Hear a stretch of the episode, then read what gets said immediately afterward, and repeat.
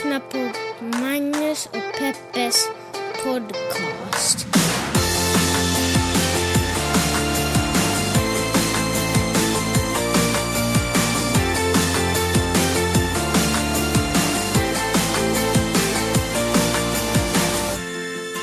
Hallå, där är ni ju!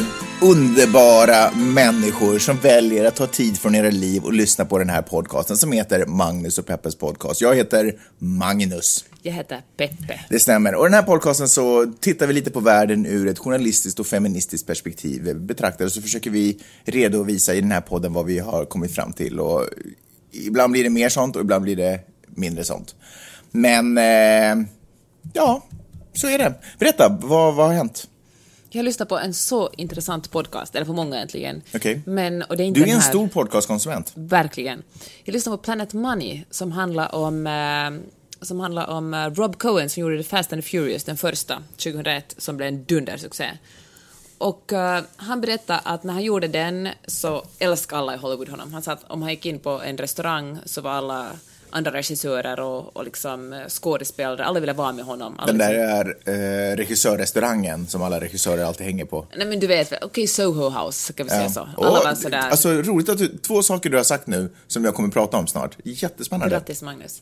I alla fall, och, eh, men så gjorde han, efter det här så skrev han på ett kontrakt på att göra en till film som floppade totalt. Och han sa att det var så intressant hur det gick från liksom att ena dagen vara den kung Midas till nästa dagen vara liksom en person non grata i Hollywood. Mm. Och ingen ville jobba med honom för att de trodde att han, allt han rörde vid blev plötsligt bajs.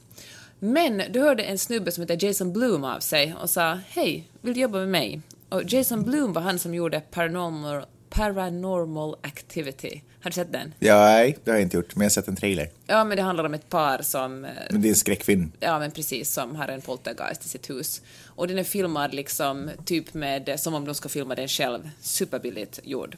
Men, och den kostar 15 000 dollar att göra den här filmen. 15 000, det är liksom inte ens catering för en dag på ett filmset. Ett vanligt filmset alltså i Hollywood. Och eh, och eh, det var så också den filmen som drog in mest pengar, liksom skillnaden mellan hur mycket som investerades i den till hur mycket den drog in på the box office. De hade ändå eh, folk som investerade i filmen för att få ihop till 15 000. De har alltså inte kulturfonden här i Hollywood. Och, eh, och tydligen den här Jason Blum, hans teori att göra filmer så här att han, han ska göra dem så billigt som möjligt och få in så mycket som möjligt.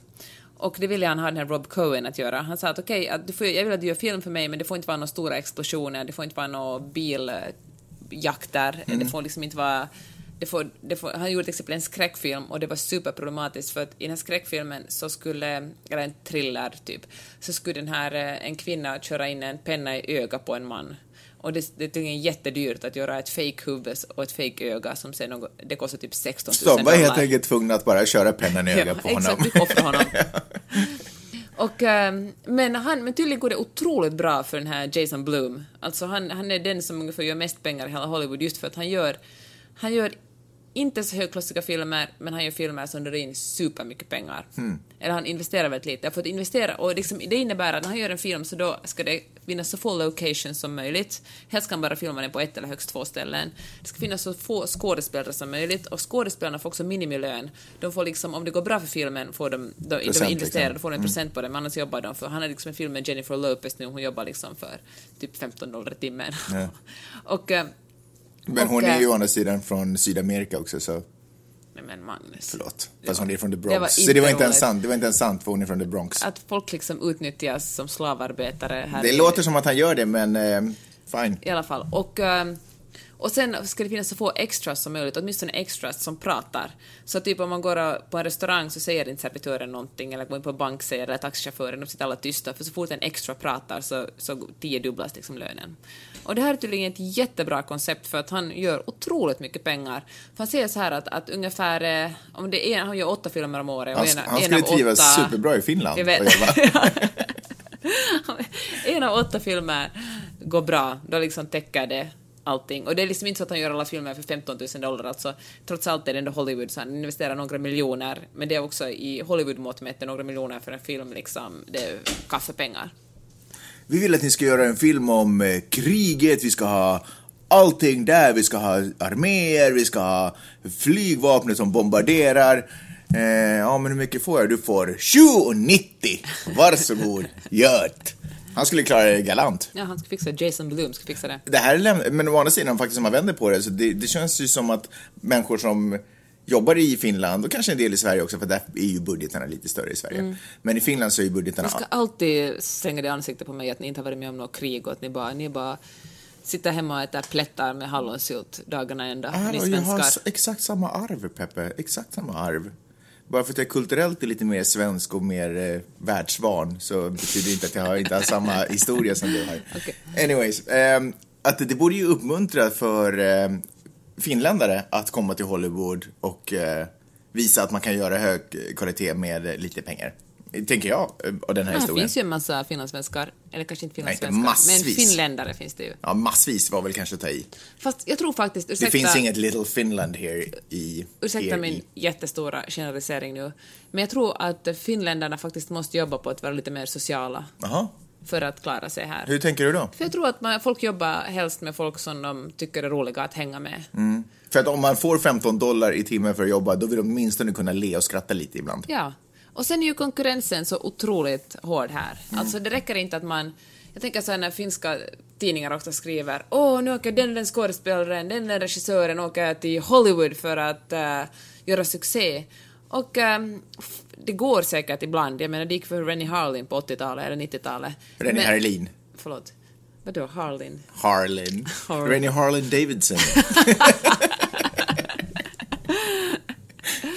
Så, jag menar, men alltså jag tror att, att nu låter jag som skulle vara expert på Hollywood, men så här tror jag faktiskt att det är, för att kunna klara sig här måste man komma hit, byta sig fast här och verkligen jobba här. Man kan liksom inte komma hit på två veckor, tala med några människor och, och liksom, eller man kanske kan göra det om man har tur, men de flesta som kommer hit kommer hit och verkligen biter sig fast och liksom träffa människor hela tiden i två års tid. Men sen, där tar jag upp en annan grej också, är ju liksom hur, eh, hur det rapporteras om det i hemlandet, in the old country. För de rapporterar ju bara utifrån deras bild av vad det är att lyckas här, som förmodligen är på någonstans på nivå av Jennifer Lopez eller Brad Pitt eller du vet någonting. Fair enough. Att du vet, det finns ju så många olika sätt att lyckas och bo. Alltså jag menar, då menar jag inte att man, eh, att vi skulle liksom ha lyckats, utan verkligen man kan bo i otroligt fina hus och ändå göra saker som kanske inte I uppmärksammas motsats hemma. till vårt hus alltså. Nej, men, men, och ändå göra saker som Ja. kanske inte duger det är hemåt sant. därför att man eh, spelade en korvgubbe. Men om man har Ja, gjort men jag spel... såg att Hesaren hade någon grej om det här, vad heter hon, Sara? Heter hon Jaha, ja. Sara Forsberg. De Ja. var sådär att aj, aj, det gick inte så bra, hon skulle... Hon kom och skulle ta över Hollywood och hon skulle jobba med... med Men ingen kommer ju ta över Hollywood. Vad är det för... Nej, fine, hon misslyckades med det. Men hon gjorde ett... Jag vet inte ens var hon... Bor hon här? Hon flyttat hem eller vad är dealen? Jag vet inte. Vilket fall som helst så vet jag att hon åker över hela världen och skriver låtar. Så vad gör du, journalist på Iltalehti? Liksom, kom igen. Cut the girl some slack. Är vad jag hade att säga om det. Men eh, nu ska vi snacka lite om Vin Diesel. Äntligen! Så för ungefär en vecka sedan så satt jag och kickade lite knowledge med min polare Tommy. Som, eh, han jobbar i musikbranschen, är här väldigt mycket. Det är, alltså kuriosa. Tommy bor i Stockholm.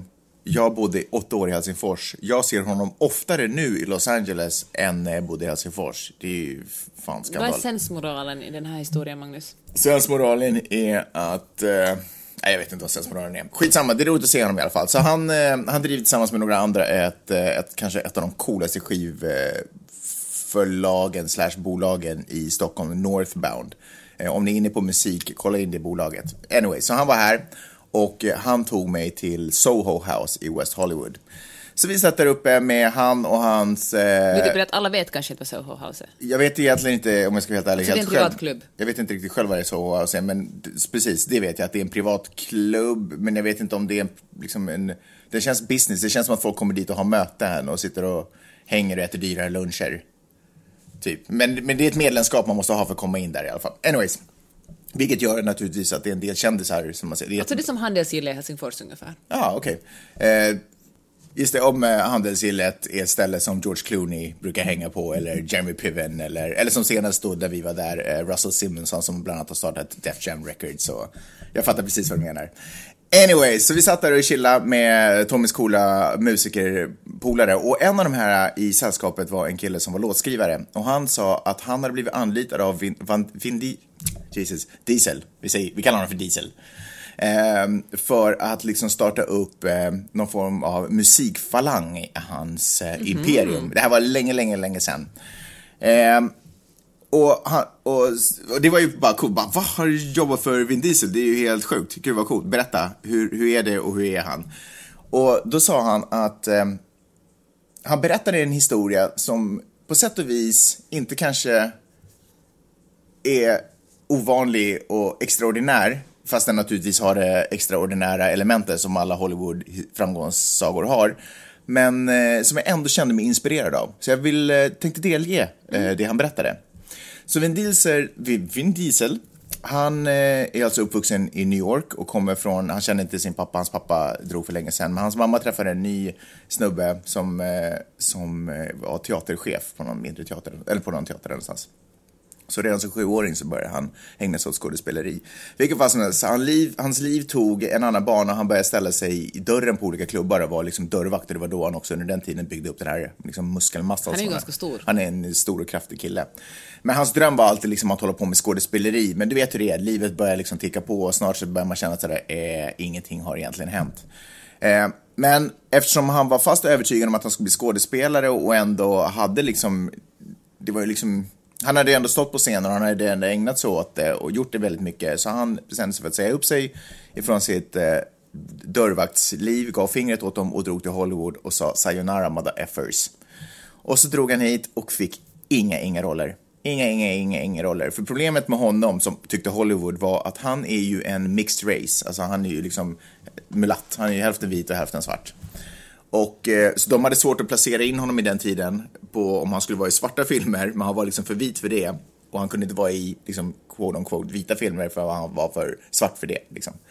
Och det här var också innan eh, actionhjältegrejen hade slagit på så stort. Jag menar, Arnold Schwarzenegger fanns ju i och för sig och sådär, men, men det var ju inte superhjältegrej om vi säger så. Den fanns ju inte mm. riktigt. Actionhjälten fanns ju naturligtvis. Eh, så han började jobba med telemarketing och alltihopa och, och, bara för att få pengar och komma in. Men sen så tänkte han så här. Det finns ett uttryck i Hollywood som säger if you can't do it all, do what you can. Så han tänkte så här, fan, okej, okay, jag får inga roller, jag gör en egen film. Han hade hört om en snubbe någonstans, kanske den snubben du berättade om, som hade för li väldigt liten budget. Jason Blum. Mm, för väldigt liten budget hade knåpat ihop en liten film Eh, så han tänkte, fan, jag, jag, drar, jag knegar ihop, jag går tillbaka till dörrvakteriet, kanske här i Hollywood, knegar ihop till några tusen dollar och så börjar jag göra min egen film. Och han gjorde sin egen film. Eh, och jag spolar fram lite för att han gjorde de facto flera filmer, men han gjorde framförallt en film som, som eh, visades på någon festival. Var det, det var knappast Cannes, så jag kan tänka mig kanske Tribeca, men kanske det var Cannes till och med. Eh, som gick upp på någon av de här festivalerna i alla fall. Och det som händer under den här festivalen, och det här är saker som då den här snubben berättade, var att Steven Spielberg var på samma festival, förstås, bland mm. många andra. Och Steven Spielberg skulle gå och kolla på en film, vilken det nu var. Men hittar inte den filmen, utan går in i fel biosalong och går in i biosalongen där Vin Diesels film spelas just nu. Nej. Och han är så här, shit vad är det här för cool snubbe? Eh, Vin Diesel vet ju inte om det här, men eh, eh, typ några veckor senare så får han ett samtal av Steven Spielberg som säger så här, hej, jag håller på och skriver en film, eller jag håller på att jobba på en film, den heter Saving Private Ryan. Och jag har skrivit in en roll till dig där, så du ska få med. Han är efter... i Saving Private Ryan? Ja, jag ska bara låta den här så bilen åker förbi. Ja. Så efter att han är med i den filmen, sen så, liksom, sen så sticker ju hans karriär iväg och nu har han ju flera olika filmfranchise, bland annat Fast and the Furious, eh, som var senaste film, typ Worldwide, gjorde en miljard dollar, alltså så fantasisiffror. Eh, och det var någonstans när hans eh, imperium började dra igång som han också kände att nu vill jag ha musikdel och det var då han anställde den här ena snubben som inte kunde någonting om musik. Men det vad han sa till den här snubben var eller jo, alltså, det vill säga, han kunde om musik, men han kunde inte hur man startade ett musikbolag liksom. Och då sa han, då sa Vin, Vin Diesels råd till honom var Go figure it out. Och så fick han pengar och så fick han gå och liksom figure it out. Hur man startar, vilka man måste känna, vad man ska vara. Men han fick kapital för att göra det här? Han fick ju förstås kapital av Vin Diesel för att göra det. Men, och då kan man tänka så här, ja ah, okej, okay, tur och tur och tur och tur. Men någonstans så hade Vin Diesels eh, envishet eller liksom, yes, oh, det är så floskligt att säga så han trodde på sig själv, han gav inte upp. Men du vet, man säger att någon har tur, så ibland är det också så att man skapar förutsättningar för tur. Man Ja. fortsätter att vara på rätt platser så att turen kan ske. För att om han bara hade varit vid dörren så, ja det är klart, han hade kunnat haft tur och någon hade kunnat snubbla på honom och sagt, åh Vitsi du ser cool ut, eh, vill du vara med i en film? Men att vara där ute och bara, jag gör, jag gör, jag gör och så ser vi om det händer.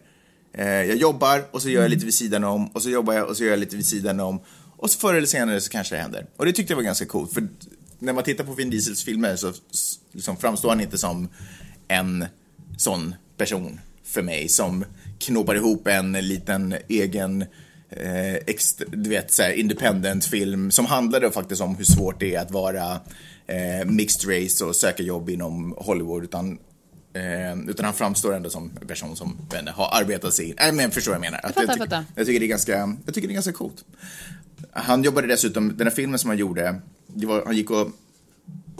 Manuset skrev han på en eh, ordprocessor, alltså wordprocessor. Alltså det fanns ju inte liksom datorer riktigt på det sättet så att man kunde köpa en wordprocessor. Fan, jag har inget bra svenskt ord på det. Ord. En skrivare. Jag förstår kanske en printer. Ja, men i alla fall, men i alla det här fall. är intressant nu, Det, Magnus. jo, men det, det, det, jo, det är intressant därför att han gick och köpte den eh, i en butik som hade en deal av att eh, om man inte är nöjd med den här så kan man lämna tillbaka den efter 30 dagar. Så han skrev manuset på 30 dagar så att han sen på den 30 dagen kunde lämna tillbaka den här eh, Nej, för han hade inte råd liksom. för att han hade att- inte råd att ha den. Och sen så tog han de pengarna och så gick han och hyrde en eh, 16 mm kamera. Och den så måste han lämna tillbaka efter typ tre dagar. Och så filmade han alla de här scenerna som han behövde eh, på de här tre dagarna. Och så kunde han gå och lämna tillbaka kameran. Och så hade han liksom filmen som han satt sen och klippte för hand sen själv hemma. Alltså bara den här eh, envisheten och lite också kärleken till det man pysslar med. Så eh, tro det eller ej, men eh, Så din sensmoral är här, han satt inte hemma och grät för att Kulturfonden inte gav honom ett stipendium. Han bara Nej. gjorde. Wow, vilken ful vändning! Nej, min eh, sensmoral är att även män som Vin Diesel kan vara källa till inspiration. Okej, det är en grej som stör mig med mediehusen och jag vet inte om jag kan säga det här eftersom jag nu biter den hand som matar mig, men jag måste ändå säga det. Eh, som tiderna har ändrats och mediehusen har gått till en ny affärsmodell där eh, de ger sparken åt anställda och köper in material. Och det låter ju smart för det är mycket dyrare att ha folk anställda än att köpa in från frilansare. Det är bara det att förr i tiden när mediehusen köpte in från frilansare så var det ofta folk som hade som hobby att frilansa vid sidan om ett annat jobb. De typ åkte på semester någonstans och passade på att skriva ett resereportage från den här semesterorten och sålde in det, och fick lite extra klirr i kassan. Eller kanske studenter som, som ville tjäna extra vid sidan om studierna. Men nu för tiden är det många jättemånga professionella journalister som antingen sagt upp sig eller fått sparken och som eh, försöker livnära sig på det här eh, på det här sättet. De, de levererar material, nu för tiden outhouse, det som de tidigare gjorde inhouse. Det är bara det att är man en professionell människa som, frila, som jobbar som frilansare så då, då kan man liksom inte livnära sig, livnära sig på den här hobbylönen som eh, mediehusen förr betalade åt frilansare. Och fortsättningsvis har gjort, betalar. men, precis, Ja. utan det måste man faktiskt få en, ett arvode som motsvarar ens arbetsinsats. Mm. Och, eh, och jag tror liksom att, att det här är någonting som frilansarna och mediehusen inte riktigt har mötts, mötts i ännu. För att mediehusen är sådär, va, vi betalar ju det flera hundra, men då glömmer de bort att, att den här frilansaren är en egen företagare som ska betala pensionsavgifter och skatter och eh, kanske till och med hyran. Men du vet vad jag menar, liksom, att det, det, är liksom, eh, det är en annan sak att, att eh, vara hobbyfrilansare än att vara en eh, heltidsfrilansare. Och det här undergräver ju också journalistiken på så vis att man har inte tid att sätta ner tre veckor på ett, på ett ordentligt reportage och göra bra forskande journalistik eftersom om mediehusen betalar en, säg 500 euro, det här är liksom ett, ett exempel ur verkligheten, en, en, en, eh, en eh, journalistkollega till mig som jobbar som frilansare nu sa att hon hade blivit erbjuden, jag tror det var 600 eller 700 euro för ett tre veckors långt reportage. När hon hade klagat på det här hade mediehuset då sagt att okej, du får en femtiolapp till det. Men liksom, em, det funkar helt enkelt. Och det handlar ju inte om att, att frilansare ska vara väldigt giriga, utan det går helt enkelt inte att leva på, på det som som mediehusen nu för tiden betalar. För skillnaden är såklart om man har en deal och säger okej okay, att, att jag kommer att leverera så och så många texter varje månad och eh, vissa av dem är lättare, andra är, andra mm. liksom tyngre, då kanske det går, men liksom att, att sälja in en text här och där liksom för några hundralappar, det liksom det funkar inte. Ja. Jag kanske också stör mig lite på det här hur de här förhandlingarna går till och hur de egentligen låter. Man hör, man hör så historier om, eh, om eh, folk som har blivit erbjudna eller folk som har försökt sälja in eh, saker och ting. Lyckligtvis har inte jag gjort det nu på ett tag. Kanske också för att jag inte riktigt vill vara med om de där förhandlingarna eh, som pågår i liksom finlandssvenska mediehusen. Därför att för mig, utifrån sett, så så är de så sjukt... De är absurda och de är, låter otroligt oförskämda i mina öron. Hur, hur mediehusen... Man hör ju historia hela tiden från olika Ja, håll. men dels om hur det erbjuds liksom undermåliga ersättningar. Och sen, och precis som när du säger sådär, nej men det här är ju galet, vad fan snackar ni om? Tre veckor 600, vad, vad är det? Det är ju inte ens en taxa, vad pratar du om liksom? Det är ju för fasiken, timlönen är ju mindre vad Jennifer Lopez får på den där ena filmen som du snackade om. Eh, och sen så slänger de in 50 till. Som om det är liksom, för, alltså det här är ingen fucking basar i Marrakesh där man står och håller på och prutar eh, med cent fram och tillbaka. Utan här är ju riktiga människor som förväntas utföra ett professionellt arbete för det. Och det handlar ju inte heller liksom om, om, att vara god och säga att nu ska jag vara, nu är vi snälla och betala det, utan det handlar ju också om själva tidningens intresse att få bra, liksom handlar om själva journalistiken, att ja. säga att hej, vi har ett jäkligt bra journalistiskt arbete, vi har ja. liksom den här människan har satt ner mycket tid på att forska i den här, för det här reportaget. Ja. Annars kommer det ju att vara bara yta, annars kommer det att vara liksom resereportage från Sri Lanka ja. som man betalar liksom 200 euro för. Det jag har hört den senaste tiden från eh, ehm, folk som har berättat om eh, förhandlingar som har pågått mellan journalister eller journalistiska fotografer och, och mediehus som Hufvudstadsbladet och sådär eller, eller eh, Mediehus, det är KSF Media. Ja, just det, förlåt. Ja eh, eller Yle för den delen, är, är liksom, det är frustrerande därför att det tyder på en så otrolig, och förlag dessutom förresten när jag tänker efter, eh, för det är frustrerande därför att det tyder, det tyder på så otrolig inkompetens när det kommer till att uppskatta arbetets värde egentligen. Jag tror att man, om man är anställd någonstans, lite tappar förståelsen för vad en arbetssats e- arbetsinsats egentligen är värd. Därför att varje månad kommer in en klumpsumma som på något sätt sammanfattar var en, en tid som någon har varit på en plats snarare än en arbetsinsats som någon egentligen har gjort på den här platsen. Eh, så de här förhandlingarna som sker känns så otroligt omogna och, och, och, i slutändan blir de väldigt oförskämda.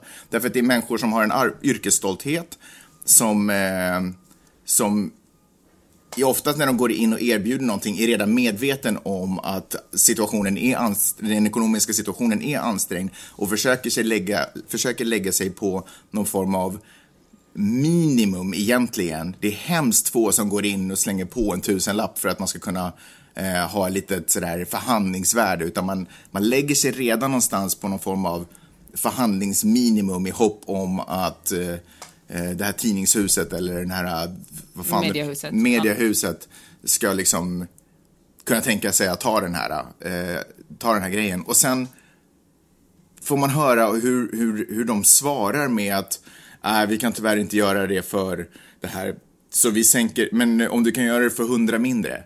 Liksom, för, det, för det kommer alltid ner till de här, det är så små, hundra mindre. Hundra! Vad betyder det? Jag, jag, jag, har ni så otroligt dålig koll på er ekonomi att det står och faller mellan hundra eller inte? För det är de där hundra, den där prutningen gör. Alltså som jag sa tidigare, alltså de beter sig som om de vore på någon eh, semester du vet hur, hur nordbor är när de går omkring på en marknad någonstans eh, i söd, södra Europa och hur man liksom står och prutar. Ja, du vet, man har ingen uppfattning egentligen om vad den där mattan egentligen är värd. Eh, utan man, det enda man gör är att man försöker lite gnabba emot den personen som erbjuder. Eh, och så kan man inte hålla på. Man måste ju veta vad saker och ting kostar om man ska kunna pruta. Bete er liksom vuxet och ansvarsfullt. Ta ett ansvar i de där förhandlingarna och förstå vad det är som egentligen står på spel här. För att hålla på och sänka med en 50-lapp eller sänka med en 100-lapp är liksom bara, det skapar bara så otroligt mycket badwill och så otroligt dålig stämning. Eh, och, och helt ärligt, i mitt fall, nu, nu har inte jag blivit totalt misshandlad av, eh, av mediehus på något sätt egentligen, men, men bara de där antydningarna till att det finns ingen uppskattning egentligen och det finns kanske egentligen inte heller pengar gör att jag hellre inte jobbar dit. För att jag vill inte ha de där samtalen. Jag vill inte höra den där, jag vill inte få den där beska mejlen eller, eller lite avsnoppande kommentarerna. Jag vill inte liksom ha dem. Eh, jag försöker hellre hålla en god stämning i det jag gör och på något sätt försöka hitta min kärlek till mitt yrke eh, någon annanstans och ge det till andra människor som egentligen hellre uppskattar det. Men sluta bete er som någon freaking semesterfirare på i Alanya, liksom.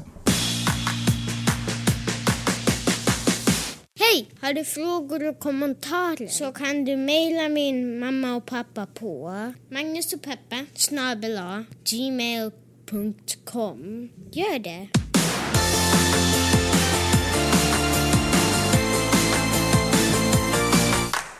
Jag skulle vilja ta tillfället i akt och tacka alla ni som har betalat för att ni lyssnar på den här podcasten. Den här podcasten är ju inte gratis fast den är tillgänglig för alla skulle jag snarare säga. Anledningen till att den är tillgänglig för alla är därför att om du inte har pengar så tycker vi ändå att det är kul om du lyssnar, om du ändå har möjlighet att lyssna. Det kan inte vara så att vi lever i en värld där det är bara de som har pengar som har tillgång till saker och ting. Men det man gör då, om man lyssnar på den här podden och inte har pengar, är att man betalar genom att dela den här podcasten. Och det kan man göra naturligtvis genom olika sociala medier man har eller någonting. Eh, och så kan ni ju pinga oss så ser vi när ni gör det. Det är ju extra roligt och så har vi kanske möjlighet Ja, att... snälla gör det. Så har vi möjlighet att uppmärksamma er också för att ni har så att säga uppmärksammat oss. Så kan vi hålla på att uppmärksamma varandra sådär fram och tillbaka. Så som man ska göra på sociala Jag medier. brukar säga att gå in och, eh, för att citera mig själv, jag brukar säga att gå in och, ge oss uh, stjärnor och recensioner på iTunes, men om ni gjort det än så får ni väldigt gärna följa oss på Soundcloud. Ja, Hör, ni, det ska vara, det Prenumerera ju, där. Ja, men prenumerera på oss där, det skulle betyda mycket. ja eller iTunes. Eh, Ja, men jag tänker att de har gjort det redan på iTunes. Ja, okej. Så, för då, då lyfts vi också upp på olika listor om vi har fler prenumeranter på Soundcloud och det är en liten betalning i sig. Förresten, på tal om, eller vill säga något om Mm. Jag vill bara säga att, men ni som har pengar naturligtvis, ni, ni som har flyttat hemifrån och har ett jobb, eh, troligtvis då inte som journalister för då har ni ju inga pengar heller. Så eh, ni går naturligtvis in på janetteochman.com och i högerbalken så hittar ni Paypal-symboler. Den ena står för att betala eh, för separata avsnitt och den andra är en möjlighet att prenumerera för bara, alltså, bara 2,80 euro. Så En hel månad. ja, 25 spänn kanske, jag vet inte, någonting sånt. Alltså det är ju ingenting. Minst, eller ungefär cirkus fyra avsnitt får ni då i månaden. En liten gest, men som betyder otroligt, otroligt, otroligt mycket för oss. Jag kan inte, jag kan inte betona det nog. Nej, tack så hemskt mycket för att ni gör det. En grej som jag kom att tänka på när du sa det där att eh, betala för eh, det ni lyssnar på är att någon skrev på jag ska inte ta den här tanken, att, jag ska inte låtsas att jag hittar på den tanken, för jag läste den faktiskt på Twitter i morse. Det var någon som skrev så här att, att det är, finns ett problem med att seriösa medier gömmer sitt material bakom betalmurar eftersom det betyder att eh, de eh, på nyheterna får allt mer eh, utrymme. Eller folk som, folk som kanske är, har en tendens att ta till sig sånt som inte riktigt är sanning. just det. Kanske är inte säkert sådana människor som gärna betalar för, för riktig journalistik. Och då på så sätt delar man upp världen ännu mer. De som betalar för journalistik och eh, läser sånt som professionella journalister producerar och sådana som inte vill göra det utan får ta del av liksom, hittepå-grejer. Ja. Och äh, så då tänker jag så här, jag vet inte om det funkar, men kanske alla, nu säger jag inte att vi är, alltså nu jämför jag oss verkligen inte med något, liksom, ett tidningshus eller liksom, vi är inte precis New York Times, men jag tänker att kanske fler liksom, tidningshus borde göra så, säga att äh, betala det ni kan. Och äh, för er som inte kan betala så är det här gratis, för för oss är det ännu viktigare att så många som möjligt tar del av, av seriös journalistik, det är en del av en demokrati. Jag såg att eh, New York Times har en liten knapp på sin sida där man kan donera en prenumeration. Det tycker jag är en ganska rolig grej också. Jag tror att det finns e- en viss sorts människor eh, som är redo att betala för journalistik eh, från tidningar som de tycker är intressanta och har ett meningsfullt utbud. Eh, men sen så, precis, så finns ju de här människorna som då kanske inte har råd, som står lite i valet och kvalet av vad de ska välja och kanske också lite är tvungna att ta det som erbjuds dem. Eh, Ja, så. Eh, och då tycker jag att det är väldigt fint att människor som redan har tagit steget att betala, för jag tror att om man redan har gjort det så är steget mycket mindre att betala för någonting annat igen, så att säga. Eh, och det är ju faktiskt inte stora summor det handlar om oftast. Eh, Alltså en papperstidning kan ju vara ganska dyrt faktiskt, kostar ju många hundra dollar i året. om jag talar om de här nätprenumerationerna Ja. eller de här erbjudandena som finns. Nej, då kan man ju för 99 cent liksom. Ja, men på- jag tror man till, precis, jag tror man får DN för typ en krona. Jag vet inte, men det är så här. Ja, vilket fall som helst, jag ska inte fördjupa mig i det. Men just möjligheten att donera för någon annan tycker Mm. jag ju faktiskt är asgrymt egentligen. Vädja till människors välvilja. Jag menar, det är inte ett nytt fenomen på något sätt, men just i det här fallet att vädja, vädja till människors välvilja att stödja andra som inte har möjlighet, som tvingas ta det som ges dem är ju Mm. fint. Ja, samtidigt så i Sudan så svälter folk så jag vet inte riktigt. Jag vet inte riktigt var jag ska eh, stå å andra sidan kanske man inte får veta att folk i Sudan svälter om man inte har, eh, får vettiga nyheter. Nej, om man bara läser Trumps tweets. Breitbart. Mm. Hör du, eh, vad ska jag säga, jag vet jag sagt, just det, jag vet jag sagt det här tidigare men jag vill säga det en gång till, alltså det är ju superroligt att eh, de flesta tidningshus som eh, New York Times, LA Times, Washington Post har fått mycket fler prenumeranter i och med Trump. Folk går in och prenumererar på dem i ren protest för Mm. att stödja journalistiken. Det är ju superroligt. Affärsmagasinet Forbes kommer ut i Finland. Jaha. Har du läst Forbes? Forbes? Nej, eh, nej, jag har faktiskt nog aldrig riktigt gjort det. Och eh, det är ju Alltså jag har bläddrat i tidningen, men jag har aldrig liksom läst Nej, jag måste faktiskt erkänna att jag inte heller läst den. Jag har också bläddrat den och... Men affärstidningar har aldrig liksom lockat mig för att jag, jag vet inte. Du är inte en affärsman. Nej, jag är inte Man skulle inte kunna säga att du är en entreprenör. Nej, men jag förstår att det finns andra anledningar att läsa den tidningen också. Man behöver inte jobba på Wall Street för att bara intressera sig för sånt. Det är ju också en värld som pågår som man bör kanske hålla sig uppdaterad på. Och det är ju roligt, det är alltid roligt när det kommer nya tidskrifter som verkligen, dessutom finns i pappersformat som, Ja. som kommer till Finland. Men de satsar på Finland alltså? Ja, Konstigt. Jag vet, men roligt ändå. Jaha. Kanske det går bra för Finland. Då, jag läste att de ska ha en upplaga på 70 000 ex. Trots fan- allting vi pratar om så Ja. kanske det ändå går bra för Finland. Ja, berätta, du skulle, vadå? En upplaga på 70 000 ex, det är Oj. supermycket i finska mått mätt. Vad hade du för upplaga när du var chefredaktör för tidningen Papper? Alltså som mest, Mm. när den delades ut med alla möjliga dagstidningar, hade vi 120 eller 130 000. Så man kan säga att Forbes är en, ja, ett, ett gulligt försök. Ja. Nej. Men, äh, äsch. Oj, generad Peppe. Hör du, men det som stör mig jättemycket är att eh, på deras, eh, på omslaget sitter tre, gubbar, tre vita gubbar i kostym. Och jag bara, men herregud, fine att ni är ett affärsmagasin, men måste ni vara så otroligt förutsägbara? Fast det är ingen som kunde tänka lite, lite extra, vara sådär, hur ska vi kunna göra ett, ett bra... Det är ju ändå historiskt liksom. Första gången någonsin Forbes kommer ut på finska, vet i Finland. Och eh, kunde man inte tänkt liksom lite extra? Nej, man tar en lite äldre gubbe och två medelålders gubbar. Pam, där står de och ler mot kameran på första, på uppslaget. Jag menar, alltså på omslaget. Men eh, tittar de ens fram bakom ett träd eller någonting? Nej, inte ens det. Nej. De Skandal. bara sitter där och... och ja, Är sen- det någon annan än du som har reagerat på det? Det tror jag säkert. Jag, men jag kommenterade det här på någon, på någon, någon som var så jätteglad. Didde Åkerbloms Facebook-post. Jag gillar ju Didde, det är superbra typ. Och så kommenterade det här, då var det genast någon gubbe som plockade och var sådär, vadå, det är ju, en jätte, det är ju fler, o, två olika generationer. Av gubbar. det hjälper ju inte kvinnorna direkt. men, ja. Ja, men det tror men så kollade jag, det var inte så jättelätt att kolla vem det är som har gjort den här tidningen. Jag hittade, ännu har jag inte hittat en enda, namnet på en enda journalist som skriver för den, men, ähm, eller vänta, vastaava toimittaja Jouko Mattila, vastaava toimittaja Hannu Vuola, liike, ugriska, vad händer? myyntijohtaja. Men alltså det är bara, det, det enda namnen som, de som producerar här, är två stycken redaktörer som båda, Jouko och Hannu, alltså två gubbar, eller snubbar, inte fan vet jag hur gamla de är. Uh, marknadschefen Fredrik Nars, han jobbar förr på Hufvudstadsbladet eller KSF Media. Mm, känner igen namnet. Han är bror till Kenneth Nars.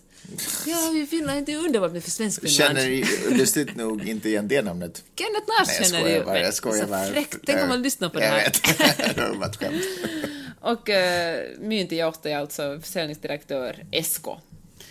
Så kanske det är så bara att eh, det var nu en all mail redaktion som bestämde sig för en all mail första, liksom all mail omslag på den här Mm. första Forbes-tidningen.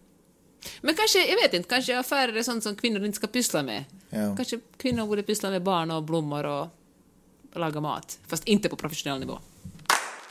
Du pratar ju alltid om eh, otroligt eh, vettiga och insiktsfulla saker i den här podden. Och det känns som att jag alltid flikar in med saker som jag har tänkt på i badkaret. Typ.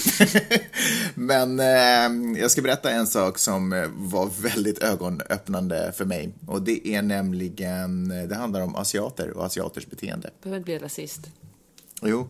Varför är de alltid så teknikintresserade? Nej, jag skojar bara.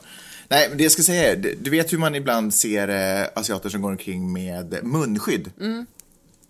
Och jag har ju naturligtvis, alltså det är ju en smutsig värld vi lever i, så jag, jag fattar ju att man går omkring med munskydd. Och jag, jag tänker också att, i, jag har ju varit i Bangkok någon gång, du har ju varit i, i Tokyo, så du kanske kan Eh, understöder mig i min argumentation att det här är ju väldigt smutsiga städer där det är jättemycket avgaser, otroligt mycket bilar och sådär. Samtidigt så är ju New York och Los Angeles också nog stora städer utan att någon här går omkring med munskydd. Men jag tänker mig, jag vet inte, kanske de är extra känsliga och tycker att det är bra att skydda sig mot och, och dessutom så... Du tänker så här, det är en, det är en känslig ras? Det, nej, men gud vad obehagligt. Väldigt djupt vatten nu. Eh, och sen så, så tänker jag också att, jag tror att det kanske är en av de första gångerna som också reagerade på det här med att jag såg eh, asiater gå omkring med munskydd var när det var någon sån här eh, fågelinfluensan mm. spred sig. För den kom väl, eller ja, just det. det var väl någon sån där utbrott. Sars, var det fågelinfluensan? Eh, eh, skit i det. Men att det var i samband med de här, mm. då tänkte jag så här, ja men du vet, vem vill nu ha fågelinfluensa i kroppen? Så klart man sätter på sig ett munskydd. Mm. Och sen så har man läst lite så artiklar, ja men den här munskydden hjälper egentligen inte riktigt. Alltså man vill, ska ju ha syrgasmask om man vill eh, försäkra sig om att kunna andas ren luft. Att ha någon himla en liten papperslapp ja, men papperslapp över näsan och munnen. Och då tänker man så här, men vad håller de på med? Men fine, var paranoida. om ni vill, var det liksom. Eh, och sen, helt plötsligt, så eh, berättar en person för mig varför de har, varför många asiater har munskydd. Det är inte för att skydda sig mot avgaserna i Los Angeles eller Tokyo eller Beijing. Det är inte för att skydda sig mot fågelinfluensan eller eh, svininfluensor eller någonting annat fågel, eller vad säger luftburet. Eh, utan det är för att de inte ska smitta andra. Alltså det är en, omta det är en omtanke Vilken det kommer ifrån. idiot man känner sig som. Men det är då känner jag så här, fucking dumma västerländska människa, talar jag till mig själv då. Så typiskt att hela tiden utgå ifrån att det är bara jag, det är mitt, hur ska jag få skydda mig mot världen, taggen ut, bla bla bla. Och så går det omkring människor och tänker sådär, jag ska inte se till att i händelse av att jag har någon bakterie i mig sprida det om till dig så att om jag hostar och nyser så åker det rakt in i det här papperslappen som förmodligen täcker ganska bra när det kommer till att nysa ut. Alltså, vad är det som ringer? Aha, det är en wake-up call. Två saker, eh, inte alls relaterade och har verkligen ingenting att göra med feminism eller journalistik att göra. Det ena är, köper jag för mycket basilika? För att när jag tittar ut på balkongen så i varenda kruka så har det typ tryckt ner en överbliven basilika, eh, basilika så här kvist ungefär. Skitsamma. Eller svara, köper jag för mycket basilika? Nej. Bra. Eh, det andra är att Gösta Ekman dog eh, här nyss. Och det är ju så livet är. Så det är ju sorgligt naturligtvis, men det är ju inte konstigt. Det var någon som skrev på Facebook, varför måste alla dö? Ja, så känner man ju förstås. Det är ju så när man blir äldre så börjar man märka hur alla helt plötsligt bara dör. Eh, som har varit en, en del av ens uppväxt kulturellt, intellektuellt och sånt. Och eh, då tänkte jag så här, min första tanke var egentligen så här, åh vad synd, Vidde fick aldrig uppleva liksom Gösta Ekman, det skulle han inte fått göra ändå. Även fast Gösta Ekman skulle ha levt in i Viddes vuxendagar mm. så skulle Gösta Ekman aldrig reproducera mm. så att det skulle kännas nytt och fräscht det gamla som han har gjort, som jag har redan tagit till mig. Mm. Men det som någonstans slog mig i den där, eller det som jag började tänka i det faktum att han dog och den här tankegången om att åh nej, eh, Vidde fick aldrig uppleva Gösta Ekman. För jag har skrattat så otroligt mycket åt Gösta Ekman under mina barndomsdagar. Är att eh, Gösta Ekman och många andra såna här kulturpersonligheter och säkert många andra personligheter också är ju, har, har ju på något sätt vis format mig till en viss del till den jag är idag. Och då, då slog det mig att eh, Vidde kommer ju aldrig känna mig egentligen. Eh, så. Därför att han, han, han har ju inga referensramar till... Förstår du vad jag menar? Tommy till exempel, som jag pratade om tidigare, vi har vuxit upp tillsammans. Så saker och ting jag gör kan han också se varifrån det kommer. För att han känner mig så väl. Så att om jag säger någonting så kan han vara sådär, han kan nästan instinktivt spåra Ja, men så har jag min syrra också. spåra fl- liksom tankeflödet från dess att vi var ett barn. Det hände, det hände, bam, bam, bam, bam, bam. Därför säger han så nu. Förstår du vad jag menar? Såklart. Det är ju en människa som känner en. Det kommer ju Vidde och vår andra barn Maj-Lis aldrig... Nej, men de kommer ta det med varandra. De kommer ha det med varandra. Och det men, räcker väl. Men är det inte... Men du vet sådär när man sitter och dömer sina föräldrar för saker de gör och alltihopa. Och så gör man egentligen det på basis på att man tror att man vet allting. Men man känner ju inte sina föräldrar. Nej. Men, Vi känner ju dem ganska långt, ett tag i alla fall. Ja, men hör du, vad tror du händer nu, den här generationen som skriver blogg då? Fine att jag inte skrivit blogg sen jag var barn, men de senaste snart 12 åren i alla fall. Hur menar du? Vilket arkiv att lära känna Ah, mig som Vidde och Maj-Lis ja, har. på så sätt, de har en helt, annan möjlighet. Fatta så otroligt coolt det skulle vara om man skulle kunna hitta sina föräldrars bloggar. Ja, dagböcker var ju det man skrev förr i tiden. Jag tror faktiskt att, eh, jag tror att min farsa skrev dagböcker, men jag tror att han brände typ sina dagböcker redan. Mm. Och det är ju förståeligt, men också kanske taskigt, eller? För det eller, Jag vet, jag känner så här, när jag dör, vem bryr sig? Ni får göra vad ni vill liksom. Ta mina, mina inälvor, läs mina dagböcker. Det är fine liksom. Men är, känner du inte att det är, att, ja, nej, men det var bara någonting som fastnade vid mig, det här med att det Tycker finns... det är sorgligt? Nej, det är inte sorgligt, men det är ju, det blev lite så här, ah, fan det är sant att de enda som känner mig finns eller har funnits, de kommer, det finns inga nya människor som kommer komma dit längre. Jag kan inte skapa de här nya människorna som känner mig. Fast du skapar ju dig själv hela tiden. Du blir liksom, du är inte exakt Ja. samma person som du var 20. Ja, det kanske var onödigt flummigt. Eh, jag ber om ursäkt. Men kul med basilika i alla krukor i alla fall, kan jag känna. Om man till exempel vill slänga ihop en pesto.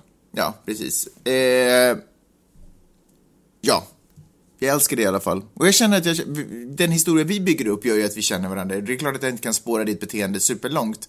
Men Du kan fråga Pyre. jag kan fråga Pyre om det är någonting jag undrar. Vad fan tänkte hon nu? Ja, ja, men det var en, jag hade med morot att göra för 40 år sedan plus. Hej! Riktigt så gammal är jag ändå inte.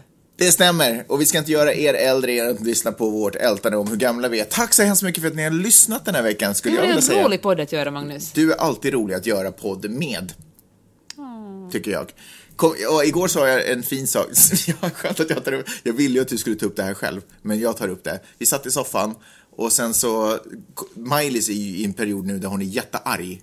Hon bara äh! äh går från 0 till 100 supersnabbt och du bara så här, nej jag vill inte att hon ska bli som eh, jag. Och så var jag så här, vadå, vad menar du? Så här, men jag vill inte ha en till jag i mitt hus. Och då sa jag att jag vill jättegärna ha två av er i, i mitt hem. Skönt att jag själv tar upp vackra saker jag säger till dig. Men jag känner att de rinner av. Du uppmärksammar inte dem själv. Så min farmor sa alltid att man måste lyfta sin egen svans om man har chans.